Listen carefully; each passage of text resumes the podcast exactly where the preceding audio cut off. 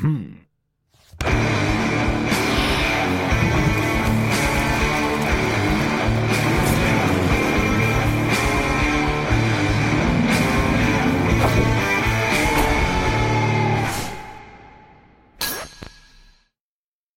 Zdravo svima i dobrodošli u bonus epizodu Agelast podcasta. Ono što bih zaista voleo jeste da ova bonus epizoda postane redovna stvar koju ćete kao i ovaj podcast koji inače služ, dolazi petkom, svake nedelje imate prilike da čujete novi ili pogledate novu epizodu. Ali za sada, nažalost, zbog prirode onoga što pokušavam da uradim u, a, u ovom novom formatu, ovaj bonus će ostati bonus koji će dolaziti sporadično s vremena na vreme, to jest barem u bliskoj budućnosti. Nadamo se da će se ta stvar uskoro promeniti i da ćemo moći da vam donosimo bonus epizode kao stalne epizode jednom nedeljno. Ali trenutno zbog tehničkih uslova u kojima radimo, odnosno s time da snimamo u mom životnom prostoru, tehničkih kapaciteta koji su nam vrlo skromni i još uvek nedovoljni, pa se krpimo vamo i namo, zbog pandemije cele koja se dešava i zbog neodgovornog odnosa vlasti prema javnom zdravlju, pa ćemo biti u ovoj situaciji ko zna koliko još dugo. Za sada će to biti na nivou bonus epizoda, ali se nadamo, kao što sam već rekao, da će uskoro biti redovna stvar.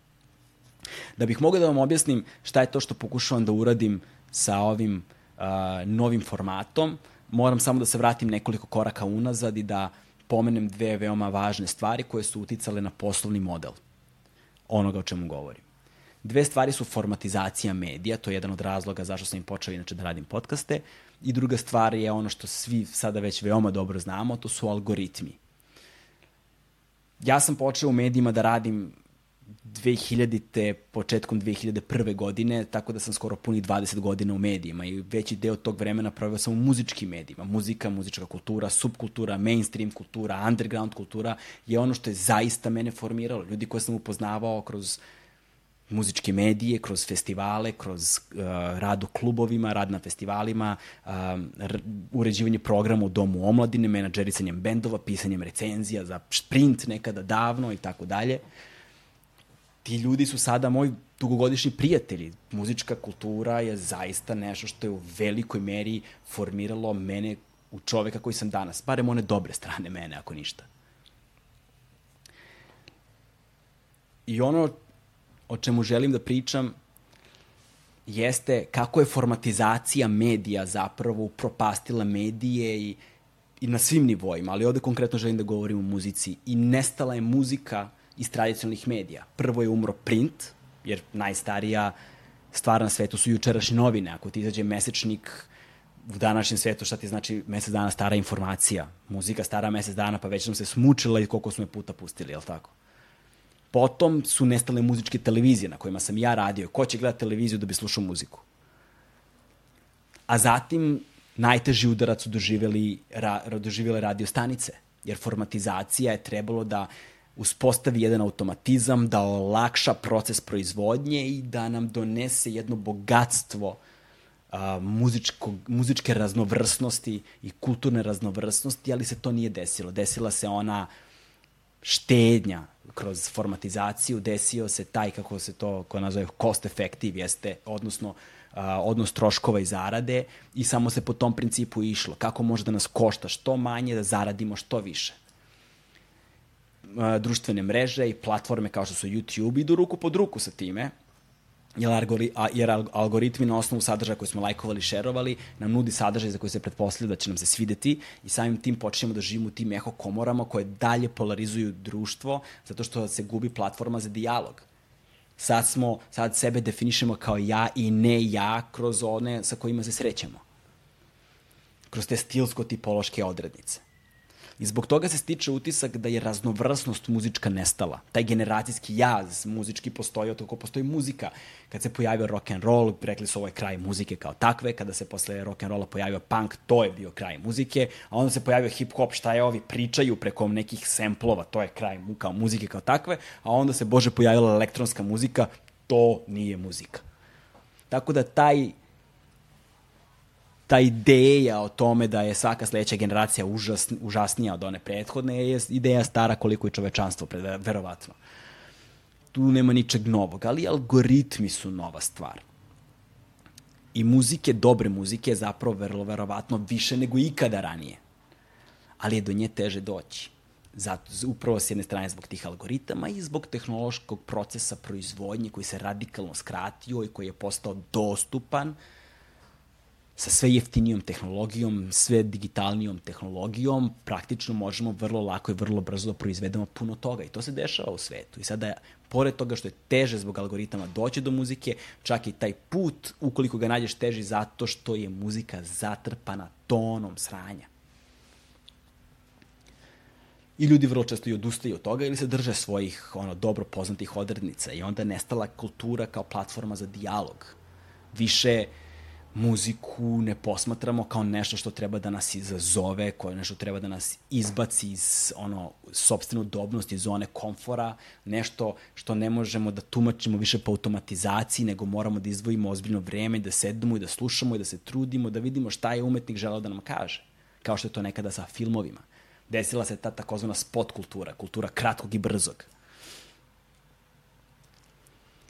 A potom ta formatizacija je donala heavy rotacije, tako da imate 30-40 istih pesama koje se besomučno vrte u krug, na svim radiostanicama je praktično ista stvar.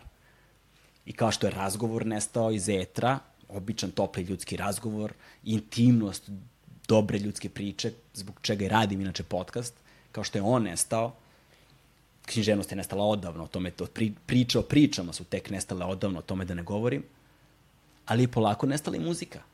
Nestale su muzičke recenzije, nestale su muzičke kritike, nesta, nest, nestale su muzičke analize, nestala je raznovrsnost. Raznovrsnost i dalje postoji. Dobre muzike je verovatno više nego ikada ranije. Samo je teško doći do nje. I zbog toga sam počeo da radim ovo, sa idejom da ovo što nazivam Agilast Session – postane stalna stvar. Platforma na kojoj će se okupljati veliki broj ljudi, community koji će rasti, nadam se uz malo sreće i zdrave pameti i zahvaljujući vašoj dobroj volji, da će to biti zajednica koja će rasti. I da ta zajednica koja raste, koja je već prema demografiji koju dobijam preko YouTube-a prvenstveno, potom je analitika koju dobijam preko digitalnih platformi za audio distribuciju, govori da je značajno šarenolika to me postavlja u jednu poziciju da imam priliku da ponudim sadržaj za koji možda ljudi nisu čuli. Da će možda, zahvaljujući tome što mi radimo, prvi put se susreti sa brojnim ljudima kojih nema u tradicionalnim medijima, ali i sa brojnim muzičarima kojih takođe nema u tradicionalnim medijima. Da malo vratimo tu platformu za dijalog nazad u fokus. Ili barem da se potrudimo da to uradimo. To bih ja barem voleo. Tako i ovo voleo bih da jednom nedeljno mogu da vam donesem zvuk za koji možda nikada niste čuli, a koji se proizvodi baš ovde na ovim prostorima.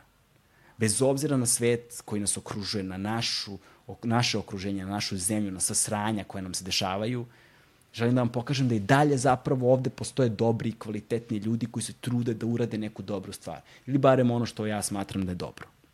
I ljudi oko mene sa kojima se savetujem tako i u vezi sa ovom sada bonus epizodom koja, kao što sam rekao, bit će u početku sporadična kao bonus, a nadamo se u bliskoj budućnosti, ukoliko nam se tehnički kapaciteti, uslovi cela ova stvar sa pandemijom reši, postati redovna stvar u novom prostoru studijskom gde će muzičari moći da dođu i da uživo odsviraju stvari koje proizvode kao što je, na primjer, Tiny Desk ili kao što je KEXP i drugi veliki portali. Postojali su brojni sessioni koji su se organizovali ovde, kao što je Ethic Session i tako dalje, ali ne znam šta se sa njima desilo. To su bile sjajne stvari koje su se dešavale na našem internet nebu. U ovom, u ovom trenutku, eto, to je nešto što bih ja zaista volao i da na neki način nastavim svoju tradiciju bavljenja muzikom koja je zaista veliki deo mene koji dugujem mnogo i znam da sutra nekome drugome može da znači isto toliko, ako ne i više nego meni, ali mora negde da bude dostupno.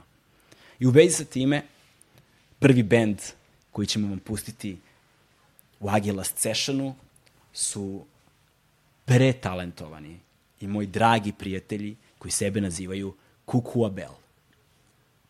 Kukua Bell prvenstveno čine dva rođena brata, mada ima još braće u sastavu, dva rođena brata, Pavle i Srđan Popov, iz Gornjeg Milanovca koji žive praktično u hipi komuni, odnosno njihovi roditelji su pobegli iz civilizacije davno, preselili se u šumu i oni tamo žive i stvaraju. Od malih nogu se bave ozbiljnom muzikom i oni su bili nešto kao savremena braća Henson. Ukoliko ste, malo, ukoliko ste moja generacija stariji, pamtite braću Henson, ukoliko ne, ovaj, progulajte i vidjet ćete o čemu se radi.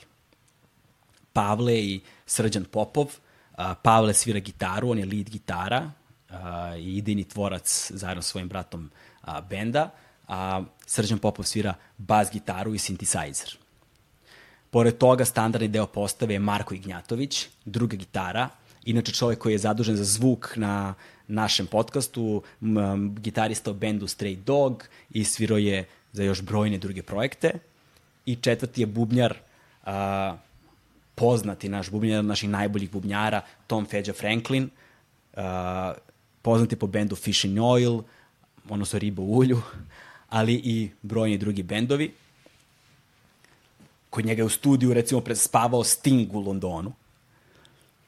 A, a gosti na ovom a, sessionu su Dušan Petrović, znate ga iz Dvojca bez kormilara, iz Iceburna, iz brojnih bendova, on svira bariton saksofon, svira flautu, svira takođe u Fish and Oil. A, jedna zanimljivost u vezi sa Dušanom Petkovićem, on je unuk Desanke Maksimović, ne znam da li mu je rođena baba, ali mu je baba. Uh, alt saksofon svira Luka Ignjatović, dakle rođeni brat Marka Ignjatovića koji nama radi zvuk za podcast. Ana Njuta Janković je prateći vokal, uh, Luna Škopelja je drugi prateći vokal i Veljko Nikolić, Papa Nik, je na perkusijama. U pitanju je prvenstveno instrumentalni sastav, koji kombinuje više stilskih odrednica, više žanrova, koji koketiraju sa zvukom od džeza preko bossa nove, balkan sounda, takozvanog world muzika, pa sve do dominantnih gitarskih solaža i rifova koji, a, koji, koji vuku taj zvuk surf roka. Tako da je zaista jedan spektar i melodičnog synth popa koji je, za koji je zadužen Srđan Popov, a, koga znate inače i kao Sergio Lounge takođe. Um, taj zvuk u tom blendu zajedno daje jedan utisak snažne filmske atmosfere, jedne progresivne ideje, snažno stilizovane, koja sa sobom nosi jednu notu nečega što ja volim da zovem retrofuturizmom. To je dizajn taj iz 60. i 70. godina koje recimo Stanley Kubrick strašno vole u svojim filmovima da koristi i u Odiseji, i u Shiningu i tako dalje. I prosto kada ih slušate možete da zamislite spot, jednu estetiku u kojoj se nose ti, te ogromne kragne, karneri, zvoncare ili, ili, ili jaka odela sa jarkim bojama u, u, u periodu ono kalifornijskog roka 60. godina. Muzika koju ćete čuti, uh, dakle čuti ćete tri uh, numere uh, i koje, koje su uživo izveli u uh, studiju uh, Feđe Franklina u Zemunu na Gardošu uh, pre nekoliko nedelja i u pitanju je muzika premijerno ćete čuti, to je još uvek neobjavljena muzika sa novog drugog albuma koji još uvek nema naziv. Tako da imat ćete priliku sada da čujete Kukua Bell iz Beograda i Gornjeg Milanovca um, sa svojim novim materijalom i nadam se da ćete uživati. Hvala vam puno i ne zaboravite da naš podcast možete da podržite jednokratnim uplatama preko Paypala, o linkovi u opisu videa, Patreona, odnosno mesečnim pretplatama preko, pretplatama preko Patreona. I još jednu sitnicu da napomenem, a to je veliki broj vas nas redovno sluša i redovno gleda, ali više od 70% vas nije subscribe-ovano kanal, a nama to mnogo znači, a za vas je to samo jedan klik. Tako da molim vas, lupite subscribe i nadam se da ćete uživati u muzici koja vam sledi. Hvala vam puno i vidimo se uskoro ponovo. Ćao.